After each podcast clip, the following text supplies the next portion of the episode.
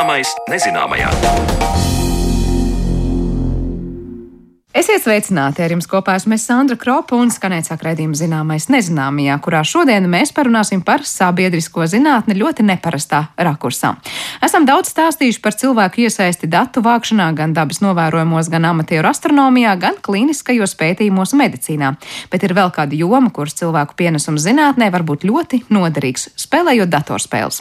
Lai cik neparasta šķistu, bet iecienītā sacīkšu vai cīņu spēle var būt noderīga pētniekiem risinot kompleksus zinātniskus būtisks jautājums. Kādā veidā to uzzināsim raidījuma otrajā daļā, bet pirms tam iepazīsim virtuālās realitātes radītās simulācijas un to pielietojumu.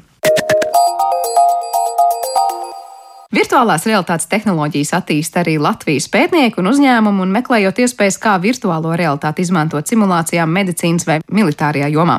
Tas, protams, ļauj ietaupīt būtiskus resursus šo profesiju pārstāvju apmācībā.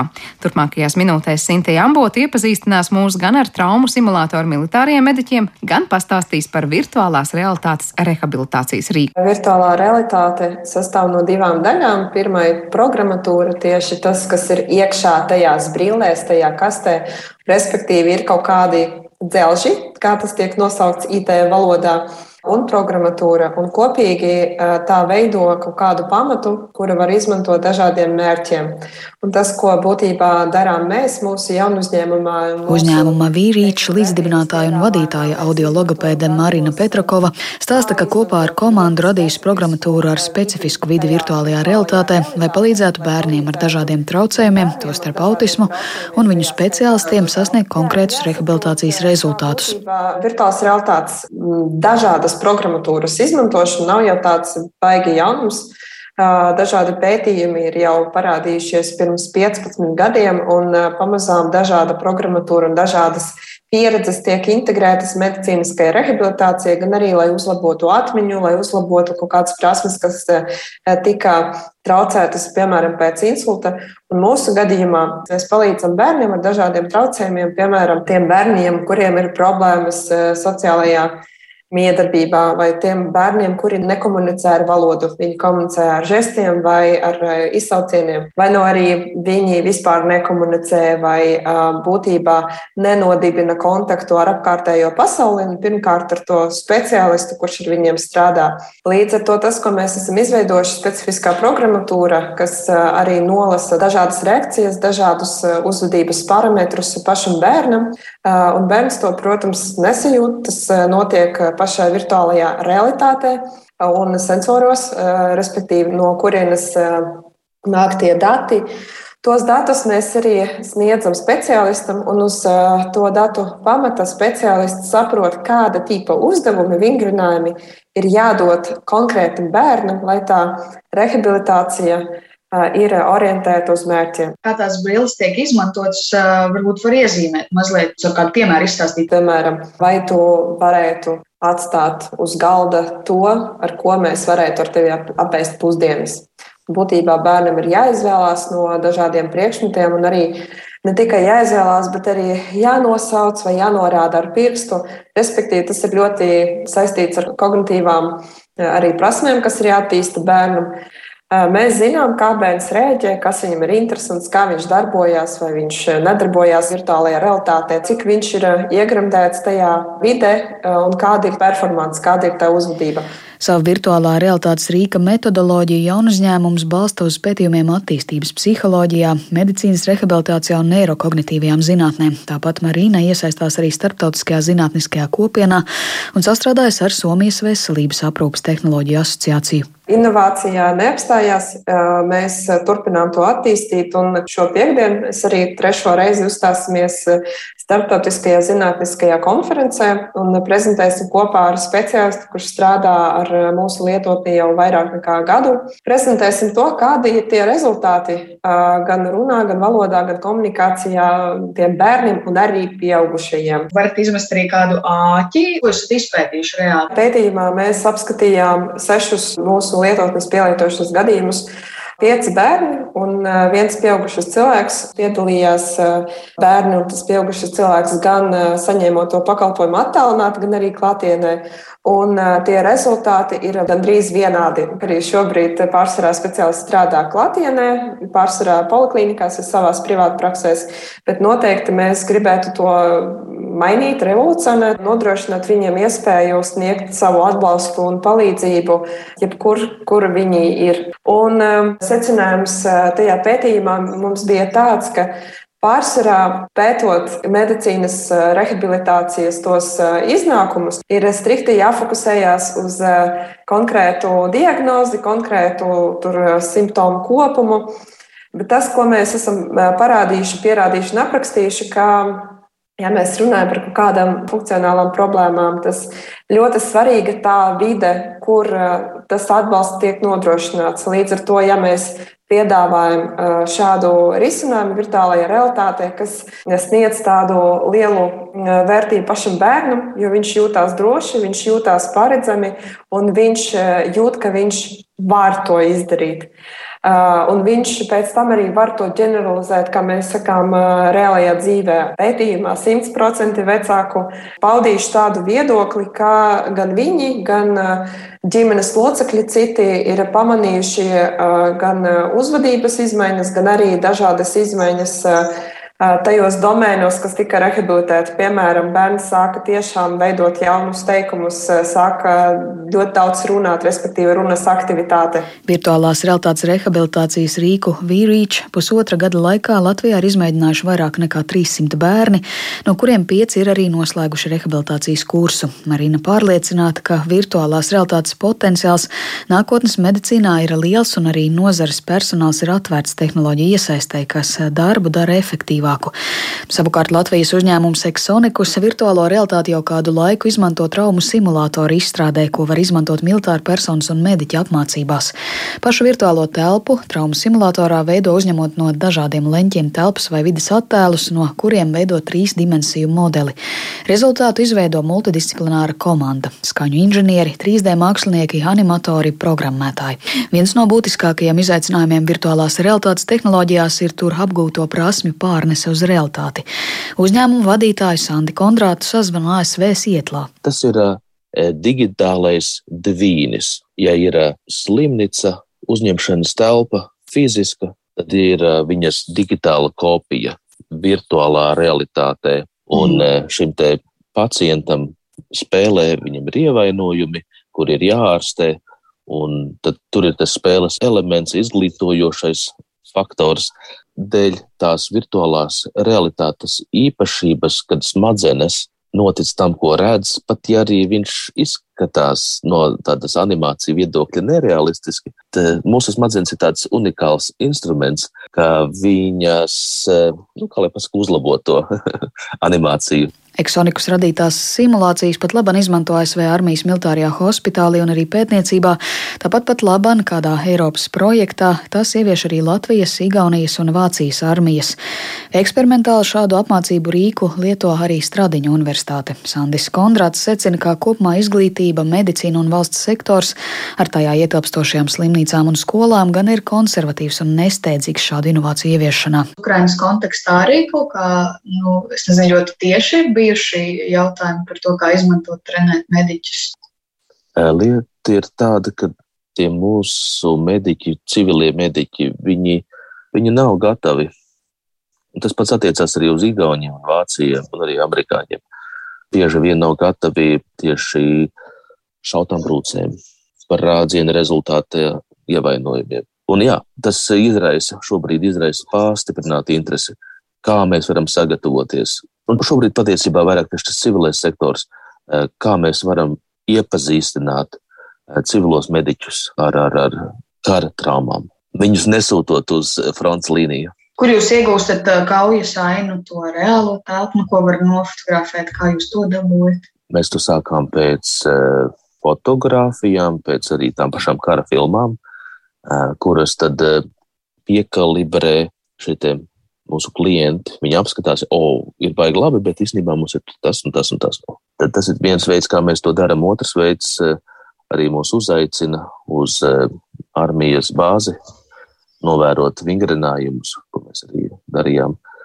Un tad, tad tur mēs arī ieraugām, kas ir tie elementi, kas padara tajā trīsdimensiju spēlē to vidi ticamu. Šobrīd top uh, jauni scenāriji vidē. Mēs izgatavojam Afganistānas apstākļos, teiksim, tur, to scenāriju.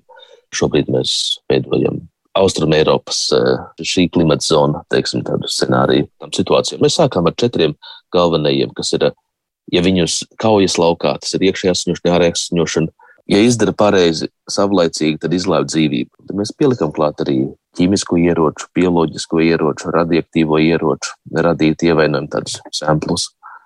Tad mēs, jā, radiācijas ievainojumu scenāriju arī izveidojām. Jā, un šobrīd arī tas ļoti svarīgi.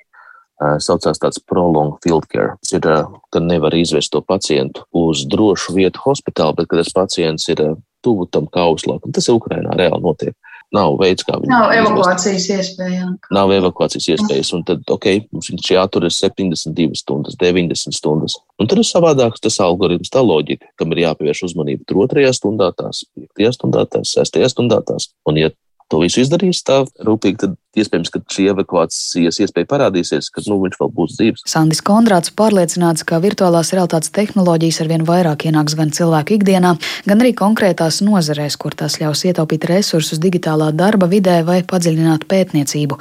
Jo šobrīd virtuālo realitāti medicīnā izmanto arī klīniskiem pētījumiem. Patiesībā tas svaigākais, kas mums te ir, ir rekvesti, ar šo uh, mācīt to artificial intelligence, mākslīgo intelektu. Jo mūsu gadījumā, piemēram, ir šī neatliekamās palīdzības telpa, kurā ir šis pacients un ir virkne ar instrumentiem.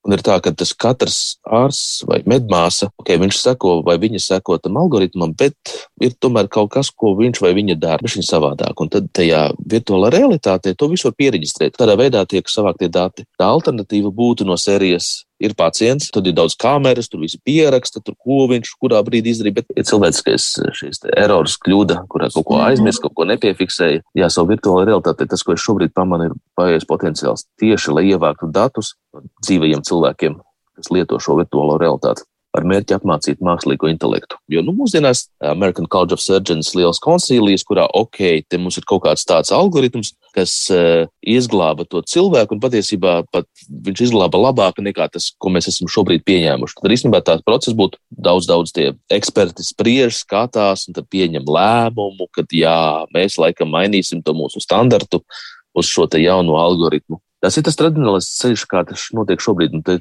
te iet runa par gadu desmitiem, bet varbūt nākotnē būs arī apstiprināti tādi algoritmi. Tas mākslīgais intelekts redz, ka tas notika nevis vienu reizi, bet tas reāli notika tur 2500 reizes, un tas notika nevis vienā slimnīcā, bet notika īstenībā 500 slimnīcās visapkārt pasaulē. Tas nozīmē, ka ok, mums nevajag nekādu tur formālo valdes mm -hmm. apstiprinājumu, bet kad, kad okay, mēs pieņemam, ka tas ir tas. Iespējams, ka nākotnē, un tas, tas arī, ko es zinu ar mūsu klientiem sadarbībā, kad uh, ir šis algoritms uz lidojošiem droniem, robotiem, kuri lido pa gaisu un nosēžās blakus šim te, piemēram, parkā guļošajam 70-gadīgam sirmgalvim, kuram ir infarkts, un tas drons ar tām robotu rokām, jā, ar šo algoritmu, kas viņam ir iekšā ar milzīgo pieredzi, jā, viņš, viņš izdara pareizās manipulācijas, atdzīvina to sirmgalvi un arī uzliek uz tā drona virsū un aizved uz slimnīcu. Nu, piemēram, tas tā, viņš uzzīmējot, ar ko es esmu saskāries eh, komunikācija ar klientiem, uz ko viņi iet. Bet tas ir ideja līmenī, vai jau, jau ļoti tuvu? Oh, tas to konstruē. Okay. Būvē. Tas jau vairāk jau robotika. Tie ir, jā, robotika, droni, bet uh, reāli tas, tās smadzenes šim te dronam, robotam tapušas ar virtuālās realitātes iesaisti. Tas ir tāpat kā ar smart telefonu. No sākuma viņš kā militārām vajadzībām tika konstruēts un radīts tāpat kā arī internets, ko mēs šobrīd lietojam. Paiet šīs tehnoloģijas attīstības laiks un to adaptē vienkārši cilvēki ikdienā. Dzirdējām Sintīs Ambotas sagatavoto sižetu par virtuālās realitātes izmantošanu simulācijās, bet raidījuma turpinājumā pievēršamies datorspēlēm un to lietderīgumam zinātnē.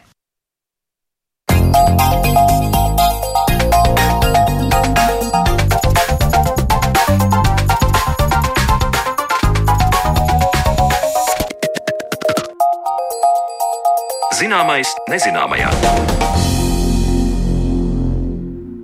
Kādam tas ir laika kavēklis, citam nopietna aizraušanās un profesija. Video spēles mūsdienās ir miljārdu dolāru biznesa, izkonkurējot pat ASV kinoindustriju. Šāds resurs var būt noderīgs arī zinātnē, un vairāki mēģinājumi ir apliecinājuši, ka sadarbībai starp mētniekiem un aizrautīgiem video spēļu spēlētājiem ir potenciāls.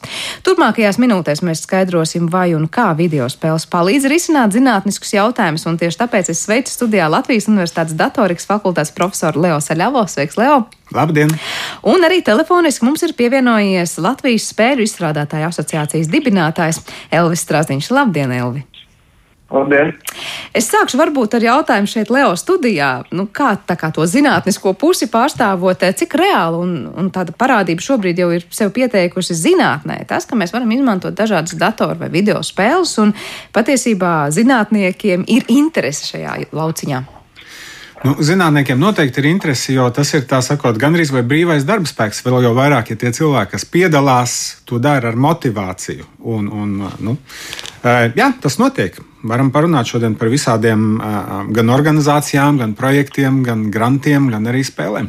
Par spēlēm, bet ja mēs precizējam, kādas tieši spēles ir tās, kas ir nonākušas nu, zinātnieku uzmanības lokā, proti, vai mēs te runājam par kaut kādām uh, kaujas spēlēm vai kaut kādām, nezinu, cīņu spēlēm, vai mēs runājam par kaut kādu kvadrātiņu un konfektīšu likšanu strīpiņā un, mm. un puzles aizpildīšanu par kādu veidu spēlēm.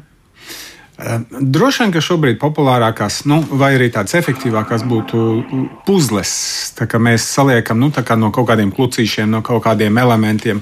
Uh, droši vien, ka pieminēsim šodien Foldit. Tāda ir vietne spēle, kur uh, var uzbūvēt proteīnus visādus no, no tā sauktām aminoskābēm. Un, uh, kāpēc tas ir svarīgi? Nu, tāpēc, ka mums viss ķermenis ir pilns ar proteīniem. Mums ir nu, mūsu DNA, kas ir programmas, kas ar proteīnu palīdzību gan uzbūvē mūsu ķermeni, gan uztur, gan, uh, gan dara visās labās lietas. Un, uh, ja mēs varam vairāk par šiem proteīniem uzzināt, kā viņus mēs varētu teiksim, uztaisīt tādu proteīnu, kas labāk sasaista divas molekulas kopā, tad mēs varam, nu, piemēram, no tā uztaisīt labākas zāles, efektīvākas zāles un, un visādi citādi palīdzēt. Bet tas, kas spēlē, notiek, tad spēlētājs jau zina, ka viņš spēlējas ar proteīniem un viņš mēģina salietot to kopā pareizi. Un tad, es nezinu, zinātnieks noskatās kaut ko vai tiek pie risinājuma. Kāda tur ir tā ideja galvenā? Jā, spēlētājs zina, un, un tas pat ir svarīgi šajā gadījumā, jo tas motivē spēlētāju. Jo, jo tad viņš zina, ka ne tikai viņš uzvarēs varbūt to spēli un dabūs kaut kādus punktus, bet arī tas palīdzēs kādam citam. Uh, bet zināšanas kaut kādas ir vajadzīgas, lai to proteīnu tur uzbūvētu, vai tur vienkārši jāskatās tā kā klucīšiem. Iet kopā, neiet kopā, man patīk, nepatīk, kā izskatās. Var, var sākt ar klucīšiem zināšanas nu, netraucē, bet no otras puses ir pat varbūt labi, ja, ja tas nu, ļaužu pulks, kas to mēģina, ir tik plašs, ka viņiem nav tā, tās nu, pamatzināšanas. Un tad viņi mēģina atrast kaut kādas netradicionālas lietas, vai arī nu, tādas lietas, ko ikdienā mm, nemaz nedara nu, zinātnē. Piemēram, viens no lielākajiem tam foldīt sasniegumiem ir, ka viņi atrada jaunu proteīnu enzīmam, kurš bija 20 reizes efektīvāks nekā tas, ar ko zinātnieki sāka. Un viena no tādām īpašībām šim proteīnam bija atšķirībā no, no tā vecā pirmā rezultāta, ka te bija 13 dažādas aminoskābes lietotas, ko nu, parasti ar tik daudzām varbūt nespēlējās. Tur droši vien biologs varētu labāk pateikt, bet katrā ziņā tā nezināšana pat palīdz. Jā, nu te es domāju, spēļu izstrādātājiem arī ir ko teikt. Es gribētu Elvim vaicāt, kā ir spēļu nozarē, vai daudz, un tā ir tāda pēdējā laika tendence, tiek, nezinu, runāts vai pamanīts tāda, nu, tā kā sadarbības starp to zinātnisko saturu un to, ko spēļu industrija var piedāvāt.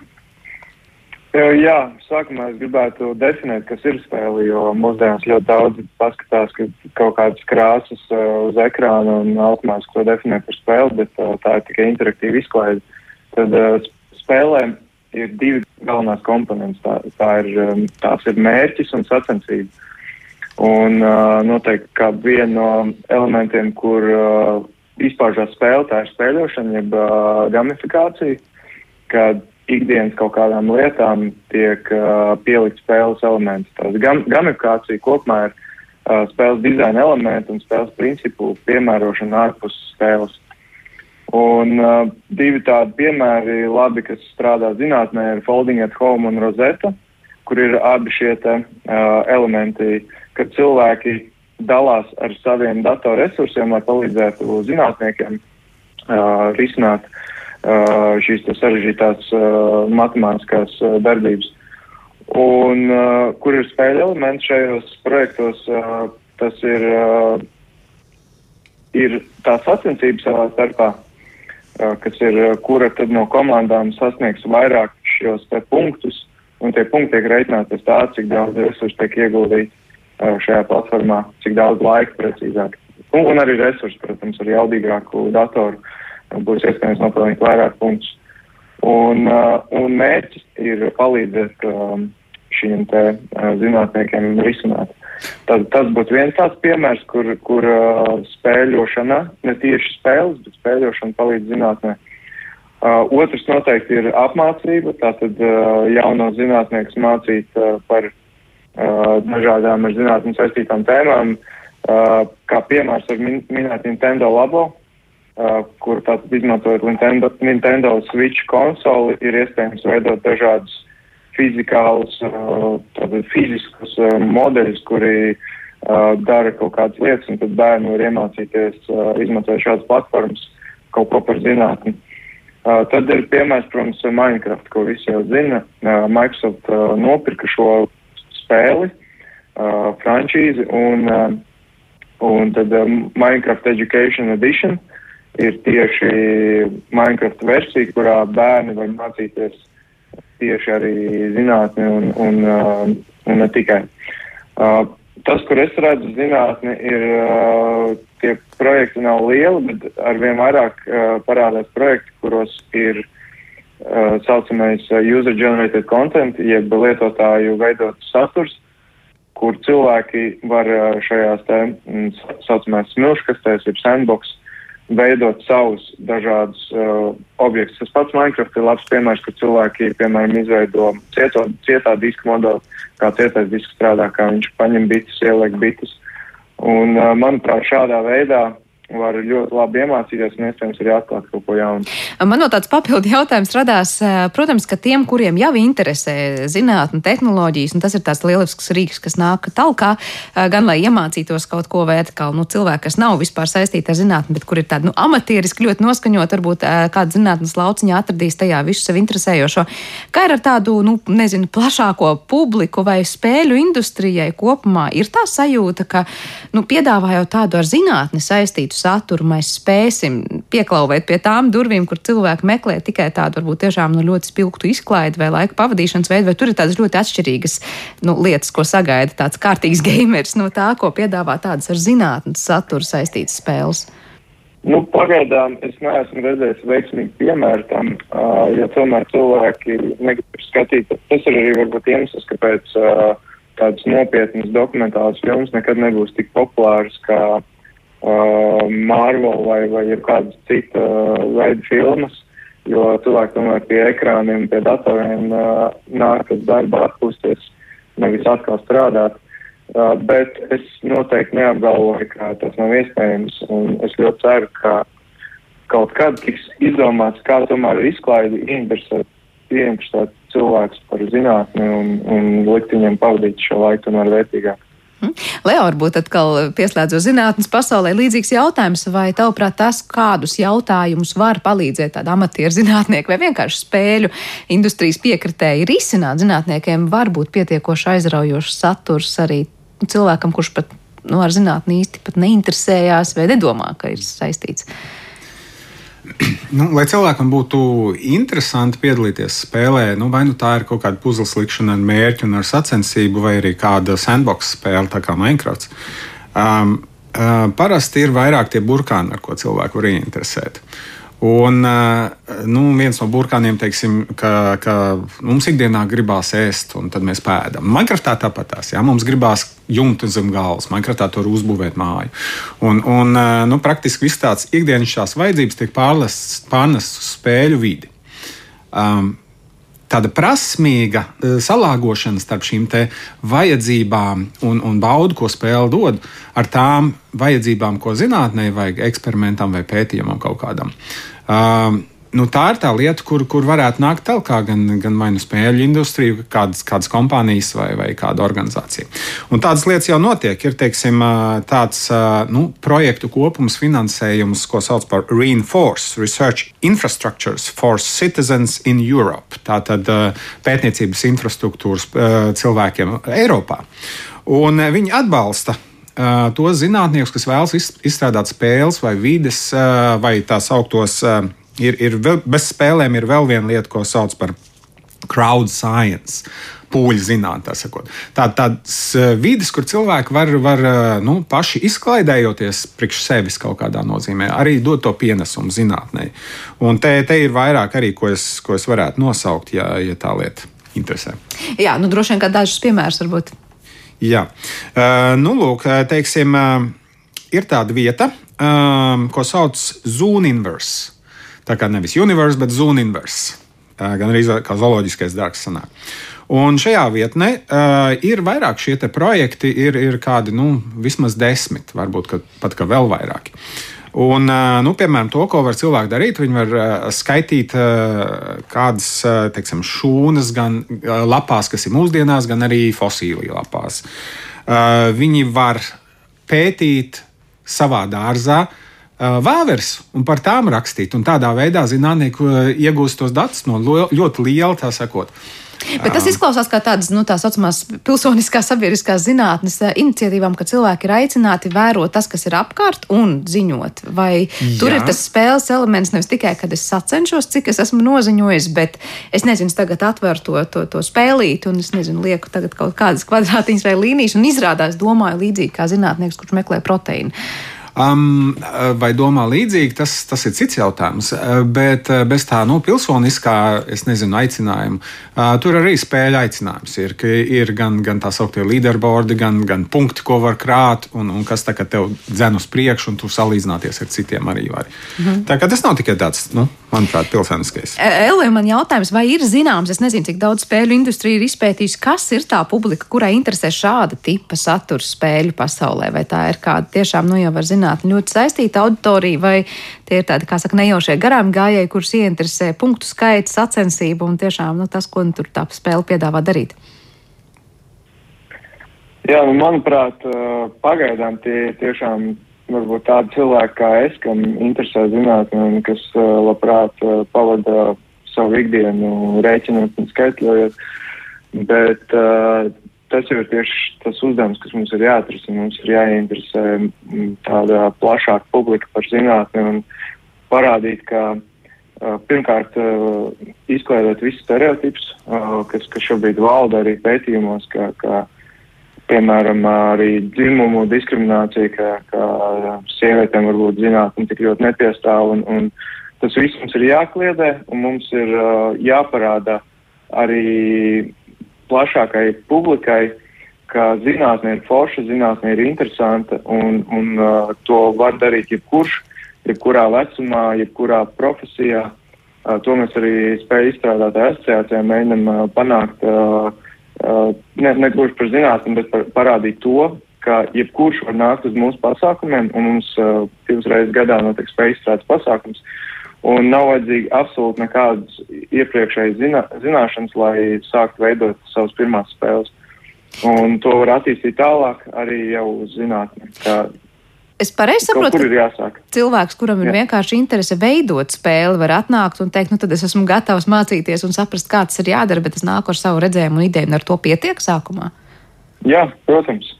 Uh, var sākumā kaut vai vienkārši ieskaņot uh, skaņas, citot objektus viens vien pret otru un saprast, ka tas ir forši, un tad jau tas uh, aiziet lavīnas formā, un tālāk jau veidojās jau liels spēles. Es domāju, ka tieši tāpat šo burkānu saucamo varētu arī pielietot zinātnē. Sākt ar kaut ko maziņu, parādīt, ka tas ir forši, ka, uh, piemēram, Minecraft ma dara ļoti labu darbu, savienojot divus objektus, pēkšņi kaut kas notiek, un tad, wow, tas ir interesanti. Vai mans pieminētais jau Nintendo labo, uh, saliekot divus, trīs objektus kopā un spēļot pogu, pēkšņi tas viss kustās. Tas uzreiz raisa milzīgu interesi par to. Es ceru, ka cilvēkiem parādīsies pēc tam arī vēlme tālāk to visu attīstīt. Jā, laikam ir kāds posms, kurā spēle, kurā ir veidot tā, ka tā tik ļoti ievēl, ka tā aizrauja gan spēles veidotāju, gan spēlētāju. Es vēl gribēju vaicāt jums abiem, sākšu ar Elvi, vai ir kādas nu, jomas vai zinātņu nozares, kuras varbūt ir vairāk ar lielāku potenciālu nu, spēļu pasaulē. Es nezinu, tagad mēs pieminējām jau medicīnu, arī bioloģiju precīzāk. Es zinu, ka ir daudz arī astronomijā šie labie stāsti, ja kaut vai par to, ka zinātnieki palaida garām kādas 40 planētas, kuras potenciāli varētu būt saistītas ar tādas, kur varētu būt dzīvība, un izrādās to ir tieši spēles laikā atraduši spēlētāji. Es zinu, ka par apkārtējo vidu un klimatu arī ir ļoti daudz tādas, nu, tā kā, es nezinu, mākslīgā intelekta radītas vietas, kurā cilvēki var darboties ar ekosistēmām. Kādas jūs minētu? Sākšu varbūt ar Elvi. Jā, nu, manuprāt, sākums droši vien pirmais būtu matemātika un fizika, jo tie tiek arī pēc tam uh, izmantoti spēles procesā. Ķīmija būtu nedaudz sarežģītāk, jo mēs ikdienā ķīmiju neredzam, mēs neredzam molekulas un, un atomus. Labi, atomu varbūt nebūs gluži ķīmija, bet uh, nu jā, mēs neredzam sīkākas lietas. Fizikā ir, uh, mēs, mēs redzam, kā objekti krīt, kā, kāds ir pātrinājums, varam jau sākt tur saprast, kā tas viss notiek un, un, un attīstīt jau tālāk. Šī paša jumta būvēšana vai, vai tiltu būvēšana datorspēlēs, manuprāt, ir interesants pielietojums, kur cilvēki izdomā ar vien jauns un interesantāks veids, kā šos tiltus uzbūvēt pāri uh, aizām uh, un izdomā inovatīvs veids, kā noturēt, lai viņi nesabrūk, braucot pāri mašīnām. Tādas spēles, starp citu, arī ir. Un tur arī kaut kas var sanākt. Tāpēc es teiktu, jā, matemātika, fizika droši vien būtu tie pirmie. Bet ļoti tāds praktisks, tiešām arī pielietojams, var teikt, nu, tāds kā izmēģinājuma platforma, vai nevis mēs spēlējam savas inovatīvās idejas, paskatāmies, notiek, nenotiek kaut kas. Jā, jā. Un tad domājam, ko darīt ar to dzīvē. Leo. Ja, ja, ja runāt par zinātni, ja, runāt vēl par zinātni, tad varbūt to varētu pieminēt filoloģiju un valodas. Manuprāt, tas arī vēl lauks, kur, kuru var ļoti attīstīt. Tāpat arī Latvijā mums vienā no mūsu spēju izstrādātāju sanāksmēm viens cilvēks prezentēja spēli, kurā ar, ar, ar tādu ezotērisku valodu bija jāveido maģijas un, un jākombinē kopā. Un tur arī var pētīt, kā tieši veidojās valodas, un, un tas arī ir interesants. Un, un, nu jā, Jā, tas, tas tā kā arī pat tiešām valoda tāda liekas nepama, nepamatot aizmirsta, varbūt šajā kontekstā liekas nozara. Leo, kādas varbūt tu sauktu par tām, kurās tas ne ir tās brīvās nišas, vai kas savukārt sev ļoti labi piesaka šajā jomā? Es, es skatīšos bišķi savādāk uz to. Es nevis saukšu, ka tur, nu, manuprāt, ķīmija īstenībā arī nodara, jo nu, mūsu pasaule no klucīšiem nosacīta ir uzbūvēta no LEGO klucīšiem. Un arī ķīmijā mēs varam kaut ko likt kopā un meklēt un atrast. Bet uh, tas mans skatījums ir, ka uh, tas būtu tās visas nozars, vai, uh, kur ir kaut kas vai nu jāmeklē, vai kombinējot jāliek kopā un jārada. Uh, pie tam, ja jāmeklē, tad jāmeklē ļoti daudz, ļoti lielā, nu, tajā angļuiski to sauc search space, tajā meklējuma pasaulē. Ne? Un, un es varu nosaukt dažus tādus nu, raksturojumus, kāpēc vispār tāda pieeja palīdz zinātnē.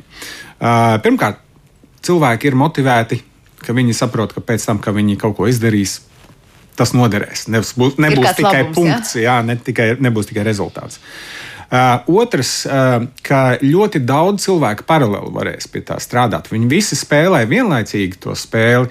Un viņi līdz ar to atradīs daudz, daudz ātrāk, vai arī daudz vairāk tos risinājumus. Tātad visur, kur vajag šādu te nu izziņas lauku, kas ir ļoti plašs, tas noder.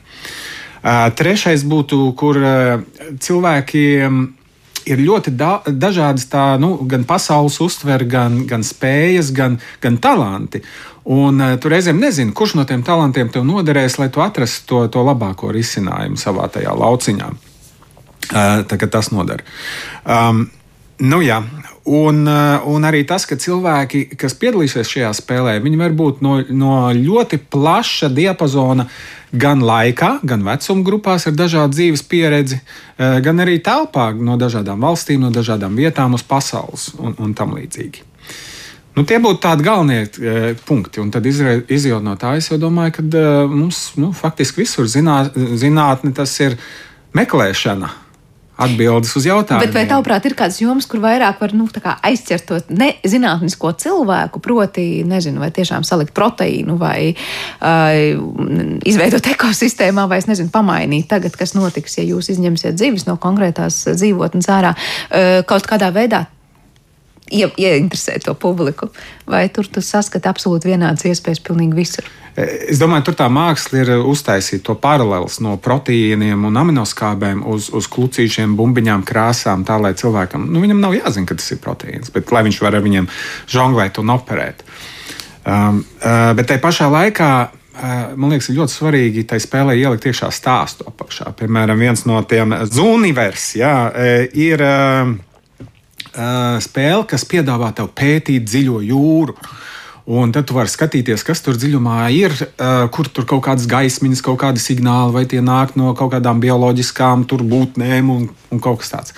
Bet izrādās, ka tam apakšā ir uh, pavisam cits zinātniskais izaicinājums. Un tas cits izaicinājums ir uh, milzīgs neitrīno teleskops. Un, kā, milzīgs tas ir kubika kilometru izmēros neitrīno teleskops, kas ir nu, kaut kur iegremdēts vidusjūrā vienai pētnieku grupai. Un viņam problēma ar to teleskopu ir troksnis, kas viņam ir jāatfiltrē. Un tad tie cilvēki, viņi nemaz nezina, ka, nu, viņi varbūt zina, ja viņi lasa par to projektu, bet viņi, tas, ko viņi dara, ir viņi atfiltrē to troksni. Viņi meklē, kur ir tas troksnis un kur ir tie īstie signāli, kas, kas tiem, tam teleskopam ir vajadzīgs. Jā, un patiesībā piedalās ļoti labā lietā. Es vēl gribēju pajautāt par tiem, es nezinu, vai to var nosaukt par trūkumiem vai izaicinājumiem, kā ir ar izmaksām. Sākšu atkal ar Elvi. Vai ir dārgi radīt spēli, kas balstās uz tādas zinātniskas problēmas bāzes risināšanu? Vai tas ir izaicinājums? Domāju, spēli radīt ir uh, neatkarīgi no tā, kāds ir mērķis, ir vienādi dārgi mūsdienās. Uh, tāpēc es nedomāju, ka šeit būtu īpaši jāizdala kāds spēļu tips. Nu, noteikti ir kaut kādas varbūt spēles, kas ir dārgākas, kas ir lētākas, bet uh, tas jau būtu atkarīgs tieši no spēles kvalitātes, ne, ne gluži no, no mērķa, kam tā paredzēta. Bet kas to sadārdzina? Tāpēc, ka tas spēlētājs būs prasīgs, nu, kā saka, vairs neies cauri spēle, kur varbūt nav skaisti un ticami noformēti vai, vai kustīgi kādi objekti, vai, vai kas ir tas, kas sadārdzina to? Jā, tā, tādiem vēl bieži ir problēma tieši tādos. Uh, valsts pasūtījuma pro projektos spēlēs, ka viņas nav vizuāli pievilcīgas uh, vidējiem spēlētājiem, tādiem, kas ir pieredzes spēlēt tur uh, 3D šākšanas spēle, spēles ar realistisku grafiku. Un tad pēkšņi viņam skolā mācību stundā iedod mācīties no kaut kādas ļoti atbaidošas spēles. Um, tāpēc, jā, ja, ja, ja, ir, ja, ja ir uzstādījums paņemt to auditoriju, tad viņai arī jābūt atbilstoši kvalitātei. Es pareizi sadzirdu, Leo, ka varētu būt viens no tiem klupšanas akmeņiem tas, ka ir dārgi radīt vispār tās spēles un tad nu vēl radīt tā, lai 21. gadsimta publika, kas ir izl izlutināta mazliet, jā, man liekas, pie attēlu kvalitātes, skaņas un efektu kvalitātes, ir, ir gatava spēlēt spēli. Un... Es, es gribētu varbūt piebilst, jā. ka dārgi tas ir tieši kopēji salīdzinot varbūt ar citiem projektiem, bet ja mēs paskatāmies uh, ASV, kur ir izstrādāta uh, militārās apmācības spēle, kur ir bez maksas. Uh, tas gan nav saistīts ar zinātnē, bet vienkārši piemērs, ka valdība var pasūtīt arī ļoti augstas kvalitātes spēli, kas uh, propagandē šo iesaistīšanos uh, armijā. Un, um, ja, ja šāda līmeņa budžeta tiks piešķirt arī datorspēlēm, tad uh, noteikti to varētu izdarīt. Hm. Jā, paldies. Uh, Leo. Jā, nu, protams, ka spēlēm izmaksas ir kādas viņas ir, un tas, ka viņas ir smukas, nu, vienkārši cilvēks izvēlēsies smuko pret nesmuko droši vien. Uh, bet šādām te nu, saistībā ar pētniecības spēlēm ir vēl papildus viens izaicinājums, kurš ir. Nu, viņai ir tie ierobežojumi, viņai tomēr tas mērķis ir attīstīt to zinātnes problēmu, risināt to problēmu. Un tāpat, teiksim, piemēram, pēc Foldit spēle, nu, viņi kādu gadu viņi, viņu marinēja savā laboratorijā, lai viņi vispār izmēģinātu dažādus veidus, kas strādā, kas nestrādā tajā spēlē. Un pēc tam vēl kādu gadu viņiem bija tā sauktā alfa versija, kas nebija nu, visiem, kas grib, bet uh, kaut kādam ierobežotam lokam. Um, tur vēl ir tas nu, laika aspekts un, un pieslīpēšanas aspekts, kas to drusku sadārdzina. Tā kā vēl līdzīgi kā kliniskie pētījumi medicīnā, ja iziet dažādas fāzes, arī šeit zinātnē spēles iziet dažādus pētījumus, varbūt arī pārbaužu fāzes, jā, lai mēs varētu teikt, ka tiešām pēc tam ir pielietojams tā, kā ir pielietojams. Nu, jā, jo tu gribi pēc iespējas efektīvāk to resursu izmantot lai viņš vispār trāpa kaut kur. Pašā sarunas noslēgumā es vēl gribēju vaicāt, Elvi, kā ir, cik lielām, nu, cik ilgi top spēle, vai kas ir tas īsos kaut kādos, es nezinu, posmos raksturojot, ko nozīmē radīt datorspēli? Jā, šeit es varētu paturpināt iepriekšējo tēmu, kā droši vien kāds klausītājs varētu pateikt, ka, ko to Elis stāsta, taču Minecraft nebija glīta spēle un, un cilvēki viņu tāpat spēlē, bet šeit ir jāsaprot, ka viņa nebija glīta sākumā, bet viņa bija inovatīva, bet uh, viņa nekad nevarētu noturēties tik populāri, ja viņa paliktu tādā kvalitātē, kā viņa bija. Un tas, kas Minecraft ir šodien, tas ir ļoti tālu no tā, kas bija toreiz. Un tā ir problēma, ja mēs pat izveidojam inovatīvu jaunu spēli, uh, kas ir neglīta, un tajā tāpat būs jāiegūt ļoti daudz resursu, ja nē, tad uh, nu, viņa visticamākais stāvīgā nav arī nomirst. Un, uh, nu, spēli izstrādāt, tas, protams, ir līdzīgs jautājums, kā cik maksā mašīna. Uh, nu, te ir uzreiz jautājums, uh, cik daudz cilvēku ir iesaistīti, kāds ir uh, mērķis. Uh, cik, cik, la, cik augsta kvalitāte ir vajadzīga.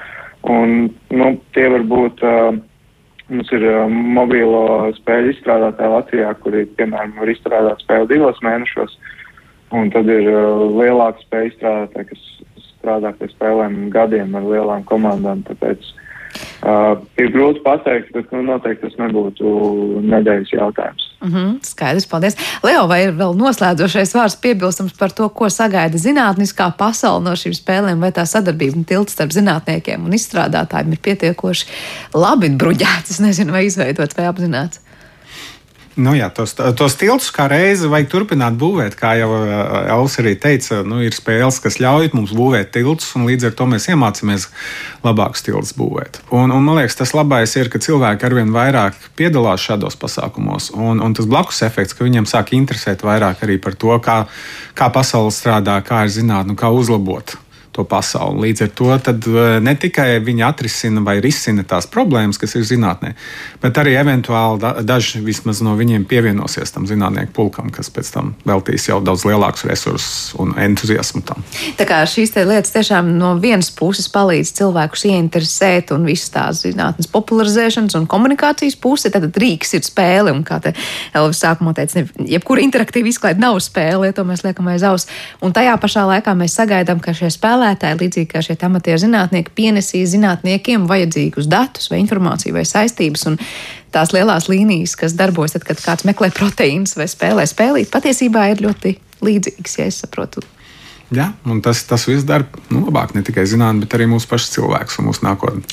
Jā, nu, paldies jums abiem par šo sarunu. Tiešām redzēsim, ar kādām spēlēm tuvākajā nākotnē nāksies saskarties, jo tiešām tās inovatīvās idejas, es domāju, virmo gaisā visās pusēs un prāti tiek likti kopā, lai tie rezultāti būtu arvien skaistāki un, un interesantāki un liederīgāki. Uh, Latvijas spēļu izstrādātāja asociācijas dibinātājs Elvis Strāzdiņš telefoniski ar mums bija kopā šajā raidījuma pusstundā, tāpat arī Latvijas Universitātes datorikas fakultātes profesors Leo Saļāvo šeit studijā. Paldies jums, kungi, par sarunu.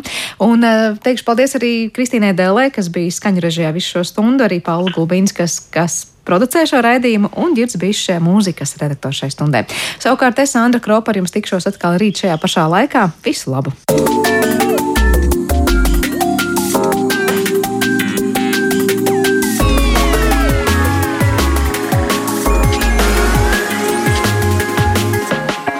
Zināmais nezināmajā.